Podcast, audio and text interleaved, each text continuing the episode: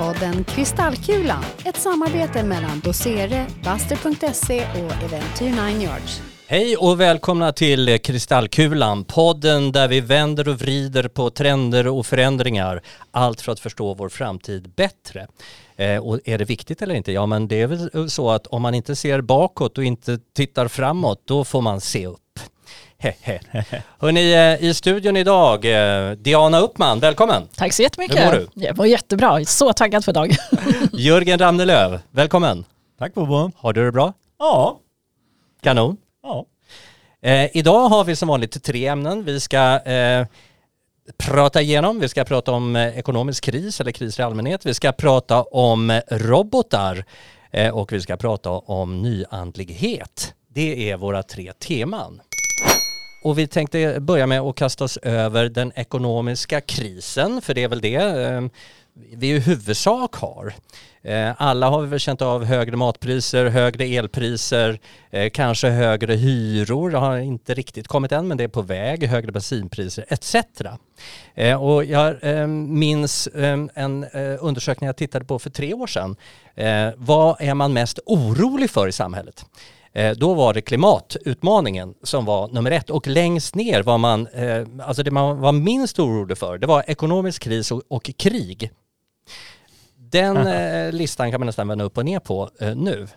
Eh, och jag tänkte börja med att referera till en undersökning gjord av Matsmart alldeles nyligen, september nämligen, eh, eh, nu i, i, år, där man har eh, frågat människor hur, hur de ser på sin ekonomiska situation. Och där säger 83 procent att de anser sig ha tillräckligt med pengar för att klara hushållsekonomin. Eh, och eh, lika många säger att man har marginaler för att faktiskt klara lite högre kostnader. Men om man vänder på de siffrorna 83-80 procent så är det 20 procent som ju inte klarar av en eh, ekonomisk förändring. Och här säger faktiskt vart femte hushåll att vi har så små marginaler så att blir det värre, då har vi svårt att klara oss. Eh, och det här leder naturligtvis till oro. Eh, och vilka är det som är mest oroliga tror ni? Jörgen? Vilken grupp? Pensionärer. Pensionärer tror du? Diana, har du en gissning? Vilka är mest oroliga? Barnfamiljer, tänker jag. Ja. Eh, en, faktiskt en annan undersökning har man kommit fram till att de som är mest oroade, det är eh, kvinnliga låginkomsttagare mellan 30 och 40 år med barn boende i norra Sverige. Mm. Noga inprickat. Det är ja. den grupp som är mest oroliga. Sen tror jag att ni har rätt, barnfamiljer, eh, pensionärer säkert. Det är nog många som är oroliga. Vart ja men pratar vi 20 procent om vi då översätter det till människor inte bara i procentsiffror så pratar vi ju nästan om en, mellan en och två miljoner människor. I Sverige? I Sverige. Mm, verkligen. Det är ganska många. Det är ganska många. Det kommer att märkas. Ja, och då eh, kan man säga att det märks redan. Vi har det här eh, Matmissionen eh, som är en ny eh, kedja med mat eh, som är eh, lite sådär åter, återbrukad, kan man kalla det för det? Jörgen, du har en spaning där. Ja, nej men det är väl lite överskotts... Eh, det är ju, jag tror det är Stadsmissionen bland annat som ligger bakom det ju, där man så att säga tar hand om eh, sånt som är på väg att bli obrukbart på de traditionella mataffärerna. Ja men precis. Och, eh, och sen så kan man, man kan ju bli medlem där då. Och då, då, det ökar ju, alltså allt fler, de får allt fler kunder, de öppnar på fler ställen och jag har till och med hört att folk åker liksom timtals för att ta sig till de där butikerna. För att man behöver det helt enkelt. Det är ingen som, man kan ju konstatera att det är ingen som åker dit för att det är kul. Nej, precis. Jag såg en intervju med någon i, i den butiken som sa att tidigare så var det ju mest eh, eh sådana med beroendeproblematik och så som kom och handlade. Men idag är det inte alls utan det är verkligen vem som helst som kommer in i den här butiken. Eh, så att ja, eh, sämre tider är vi på väg mot. Mm. Vad kan det leda till? Har du någon tanke? Kan det påverka värderingar? Jag tänker på nationalism och sådana där saker. Ehm, vad tror du Diana? Ja, tittar vi, blickar vi historiskt bakåt så har ju oftast problem och tider och orostider, om vi tar 30-talet till exempel, så eh, börjar vi ju blicka mot starka ledare som, eh, alltså man blickar ju till starka ledare när man vill ha någon som tar hand om oss. Eh, och en stark ledare tar hand om oss. Man blickar också mot nya berättelser som oftast ligger djupt i myllan på det nationella stadiet, alltså den nationella historieberättelsen. Och därmed så blir nationalismen väldigt stark. Eh, sen så tror jag att människor kan ut, eh, uppleva ett ganska stort utanförskap när man kommer in i den här situationen. Och då blir just den här, som jag sa, den historiska berättelsen, att gå tillbaka till historien och blicka mot jordbruket och blicka mot andra liksom, förhållanden är ganska viktigt tror jag. Mm. Apropå Eh. nationalism, hur gick valet i år i Sverige? Och hur har det gått i övriga Europa? Ja men det är Italien. den som är lite intressant för vi har ju också haft en väldigt god tid och ändå galopperat mot nationalismen. Och det tror jag har lite annan betydelse än kanske just den här krisen vi har gått in i nu. Den har lite som vi pratade om i Kristallkulan 15, just det här hur globaliseringen den ekonomiska globaliseringen lite har krackelerat och hur det här med demokrati och rättvisa i liberal politik inte riktigt uppfylls av, för alla människor. Så man har en misstro mot etablissemanget och då vill man också störa det med just eh, det nationalistiska. Mm. Man får ju inte glömma bort heller tycker jag i den diskussionen att det är en grupp vi pratar om. Vi pratar inte om, det är inte 100% som lutar åt det hållet utan det är det är en grupp och den gruppen växer ju som antagligen, precis som du säger Diana, kommer in i den, eller har den uppfattningen att man blir frånåkt, utanför, eh, förbisedd. Och det, det är- görs, görs det ingenting åt det då kommer den gruppen att växa Mm. ytterligare. Men det finns flera trender som jag tycker kan, eh, liksom i den här ganska oroliga trenden att många får eh, stå utanför och faktiskt gå och be om mat så finns det så här, mm, en tanke, tvingas vi in i en hållbarhet? Tvingas vi in i en downsizing? Det finns ju också trender där man också flyttar in i trailers till exempel, som också har varit en trend i medelklassen. Nu kanske vi kan se en annan klass få tvingas flytta in i trailer och lämna sina hem. Och frågan är vad, vad kommer det göra? Kommer vi tvingas in i en hållbarhet som vi har pratat om, att vi bor mindre, vi konsumerar mindre, vi gör annat. Eller är det som du sa Bobo, när vi vänder den här listan upp och ner, att vi istället struntar i hållbarhetsbiten och hållbarheten försvinner iväg. Ja, det är en jätteintressant fråga. Jag, om- jag får tro något så eh, uppenbart så att man bryr sig inte lika mycket om hållbarhetsfrågorna när man har svårt att få mat för dagen. Men du har ju helt rätt i att man tvingas in i det utan att riktigt veta om det. Man är tvungen att använda mindre el och ha lite kallare hemma etc. Så, så he- hela, hela den här klimatomställningen blir på något sätt inbakad i den nya ekonomiska verkligheten. Ja, och alla kriser leder ju till nyheter och jag tänker om pandemin ledde till att digitaliseringen fick fart så kan man ju fråga sig vad den här krisen leder till för innovationskraft i samhället. Ja, verkligen. Ja, och, det, och där tycker jag, det kan man ju ta på sig flera olika glasögon och hoppas och tro att det ska leda till ökad innovation åt rätt håll. Eh, sen kan man vara lite dystopisk som ibland man kan tendera att bli och eh, tro att nej men det, vi kommer att skaka av oss det här och vi kommer att eh, gå tillbaka till hur det var. Vi kommer dö i en kärnvapenattack. Men apropå eh, innovationskraft så eh, det, som inte riktigt har hänt ännu det är att företag börjar gå i konkurs. Det börjar dyka upp. Eh, jag läste om paddelhallar av, olika anledningar. Kanske för att jag är intresserad av det. Mm. Eh, och man eh, räknar med att kanske uppemot 70% av paddelhallarna kommer gå- i konkurs. Och då kommer eh, folk bli arbetslösa så arbets- arbetslösheten lär, lär stiga. Och företag behöver tjäna pengar. Och det tänker jag kan leda oss in på nästa spaning. Innovation och tjäna pengar. Hur kan ett företag göra det? Och vi kommer in på ämnet robotar.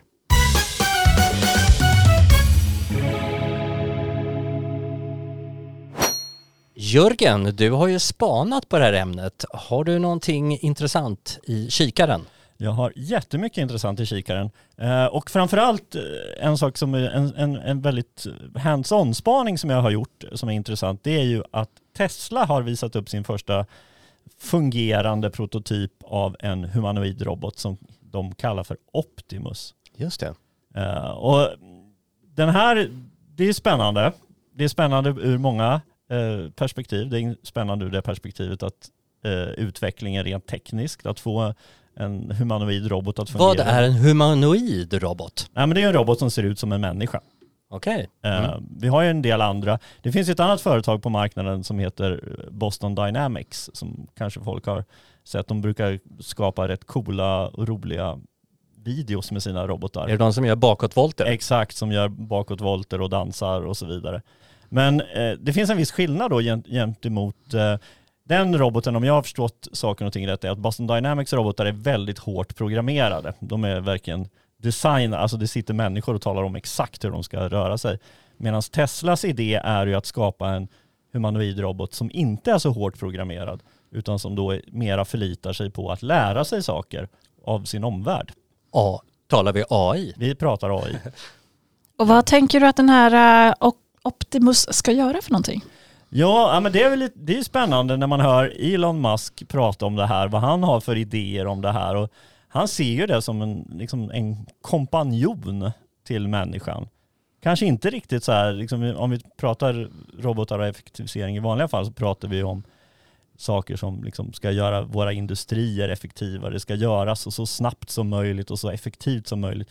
Men han, om jag har tolkat det rätt, ser nog mera framför sig en, ja, en kompis. Han har skapat för- sig en kompis för att han har socialt fobi. Ja, Ja. Men han kunde ha skaffat en hund, men han valde robot. han valde en robot. Ja. Det är Och- coolt, jag ska också vilja ha en Nej, och robot. han har ju redan börjat, det- det här är också intressant, Eh, han, han gjorde ju något liknande när han började prata om sina elbilar. Att han sa, ja men den här elbilen kommer att kosta så här mycket. För han liksom, han liksom sätter ribban liksom, och då sätter press på sin egna utvecklare att det får f- inte kosta mer än det här. Och nu har han ju sagt att nej, men den här roboten får inte kosta mer än 20 000 dollar. Det är Oj. liksom taket för hur den...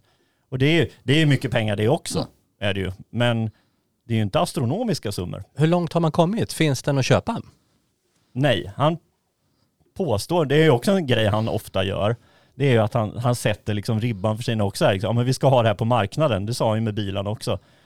Det, här- och det datumet kommer vi att kunna sälja de här. Och nu har han ju sagt samma sak här, att jag tror om, det var 2024 eller 2025, har han sagt, ja men då kommer man att kunna köpa den här. Men den är ju, de har ju en lång, lång väg kvar Innan Mm. Och det är lite intressant, han visade ju upp den för, i våras och nu erkänner han ju då ändå att det var ju ingen robot han visade upp då, utan det var ju en människa i en dräkt.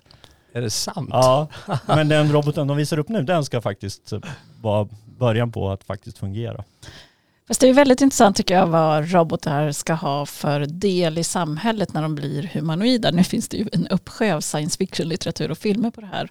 Men frågan är vad vi vill egentligen. Förutom att ha en kompis kan vi tänka oss att de här humanoida robotarna kommer in i andra yrkesgrupper. Jag, jag, jag befarar lite det här med att förut när vi har automatiserat då har vi automatiserat bort tråkiga, monotona, förslitande arbetsuppgifter ur samhället. Men nu kommer det in humanoida robotar och artificiell intelligens som ersätter till exempel läkare, revisorer, jurister, säkert politiker på, sist, på sikt också för de kan ta klokare beslut med all sin AI-data. Eh, och jag läste också häromdagen att det finns den här Jason Allen, en kille som lämnade in ett konstverk till en eh, konsttävling och vann. Men hans konstverk var tillverkat av en robot, en AI-robot. Och det här blev ju stort i konstvärlden. Och det börjar ju hända någonting när robotar tar över det som vi tycker är mänsklig kunskap och mänsklig blom, blomstring. Det intressanta är ju om vi är positiva eller negativa till den utvecklingen. Jag tänker på Japan eh, som ju har, eh, som många andra länder, en åldrande befolkning. Eh, och man har inte människor som kan ta hand om de äldre. Och där har man ju verkligen börjat med robotar inom sjukvården som hjälper till. Eh, bädda sängar och lyfta patienter men också med små eh, skärmar så att man eh, kan prata med sina anhöriga i form av en robot. Ja, men Teslas idé här, eller med Optimus, är ju, är ju ganska extrem och det är väl kanske inte det första vi kommer att få se, utan det är väl snarare det du menar, Bobo, just de här lösningarna, liksom tekniska lösningarna som man kan klassificera som robotar som gör saker och ting effektivare, smartare, enklare. Jag tänker på, på min ICA hemma så har vi precis fått en paketrobot. Och det låter ju som att ja, men det, det är en typ Optimus som går omkring där och går in och hämtar mitt paket. Men så funkar det ju inte alls. Utan det är ju, den, är, den är ju helautomatiserad. Bara jag går fram till en skärm, knackar in min kod och sen så är det ju sinnrikt konstruerade liksom, eh, löpband bakom som då åker runt och kan hämta en specifik paket och sen ploppa ut det till mig. Mm. Vilket gör att, men vilket ju då får konsekvensen att ja, men de människorna som delade ut paketen förut, de har ju inget jobb. Fast inom industrin har ju robotiseringen funnits länge Mm. och de flesta tillverkningsprocesser är väl av robotar. Så det vi pratar om nu är lite sådana som kommer närmare oss konsumenter. Jag tänker också att det, det vi pratar om är tänkande robotar. Det är ju det som är egentligen det nya steget. Förut har det varit programmerade robotar. Här har vi någon slags programmering i botten men sen så ska de lära sig massa saker från oss människor. Ungefär som barn lär sig av människor. Och sen ska de tänka själva utifrån den programmeringen de är insatta i. Och då kan man fråga sig Alltså, vilken filosofisk programmering ska de ha? vilken värdering ska de bära på? Mm, man får beställa en med rätt värdering. Ja, exakt, väldigt viktigt. Jag tycker ehm, det, här, det här blir ju intressant eh, med vår sista spaning som handlar om y- nyandligheten. För att det tangerar ju lite grann, hur, hur, vad, vad är vår inställning till robotar? Är vi positiva, negativa? Vill vi ha dem eller inte? Ehm, hur, hur tänker vi framöver? Så jag tänkte vi kastar oss över det tredje och sista ämnet. Vi kastar oss över det tredje och sista ämnet för den här podden, nämligen nyandligheten har nått företagsvärlden.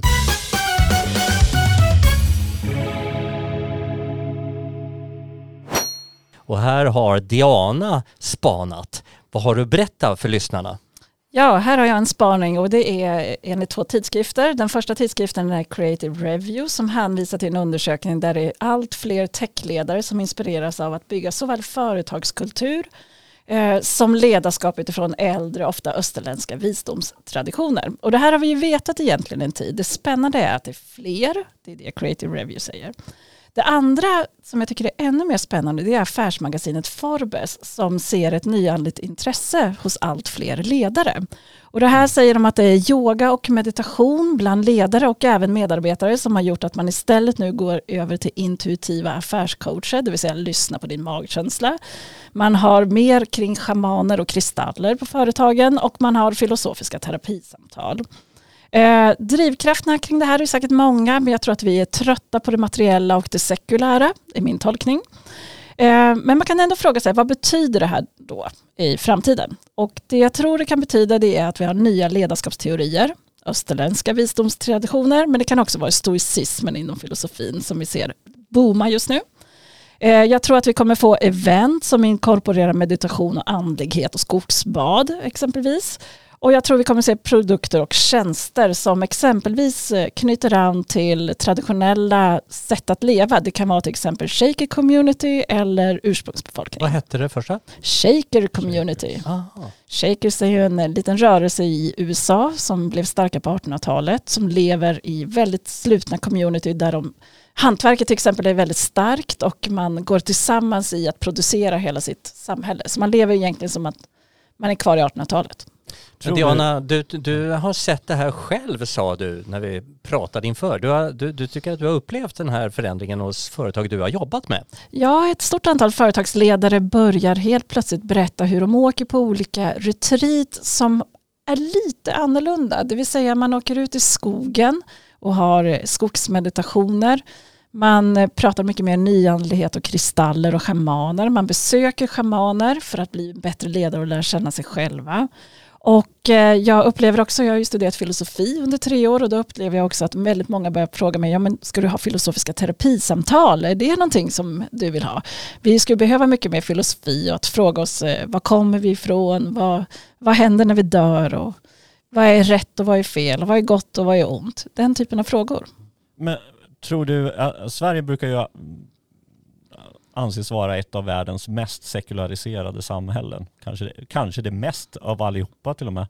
Tror du att det här har ännu större grogrund här? Att det är därför att vi... Att vi saknar Creative- religion och tro. o- o- Ja, men Creative? Review och affärsmagasinet Forbes är ju ändå lite mer amerikanskt knutna och där är man ju ändå lite starkare i religionen. Mm. Så att jag är inte helt övertygad i att det bara är vi sekulära svenskar. Nej men jag tänker att trenden kanske blir ännu starkare här. Mm. Jag, jag hör Mm. vad du säger om, om, om USA men jag tänker att den grogrunden kanske är ännu godare Ja, för trenden här i Sverige. för att vi är just sekulära. Ja, men det Ja. skulle vara en intressant spaning. För det som också Forbes tog upp det är ju att nyandlighet och österländsk spiritualitet på företagen, det är okej att prata om. Men en ledare som kommer och pratar om sin kristna tro eller muslimska tro eller vilken tro man nu liksom befäste sig i de traditionella religionerna. Det var inte lika okej. Där fanns det någon gräns. Det är ju superintressant för där kan det dyka upp en lite konkurrenssituation om man pratar om sin kristna tro och så sitter det några muslimer eller eh, hinduister i gruppen, då är det lite provocerande. Men nyandligheten kan man prata om. Det, Ja. det är inte, den har ingen konkurrent riktigt annat än möjligtvis vetenskapen och humanisterna. Just. Eh, Diana, vad tror du är drivkraften? Du nämnde lite grann drivkraften. Eh, Vi har ju pratat om den ekonomiska utsattheten och vi har pratat om robotar som man kanske är orolig för. Tror du att, att det här är drivkrafter också som ligger bakom det här fenomenet? Ja, vi brukar prata om the perfect storm, när Ja. saker och ting hänger, liksom, dras ihop med flera saker. Jag tror att det har varit en hög stress generellt i arbetslivet under lång tid.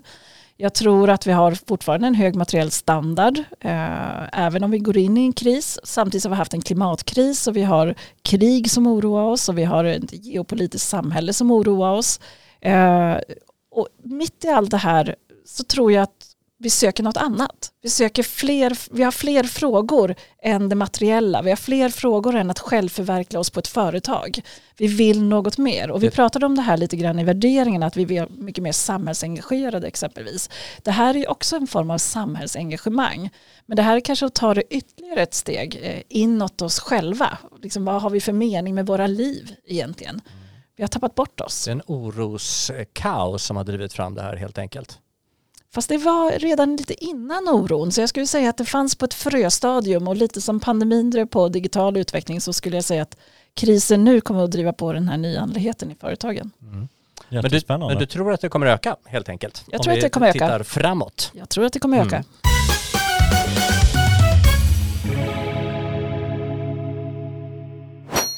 Så vad har vi lärt oss idag hörni? Vi har pratat om ekonomi och vi har pratat om robotar och shamanism. Nyandlighet. Vad, vad, vad har vi medskick till eh, lyssnarna? Vad, ska de åka på ett skogsbad, Diana? De kommer de får åka på ett skogsbad. Men eh, ett medskick till lyssnare skulle jag ändå haka på robotämnet om jag får. Eh, och det är en bok som heter, är skriven av Ian McEwan och den heter Maskiner som jag. Och den handlar just om interaktionen mellan mänsklig robot och dess ägare.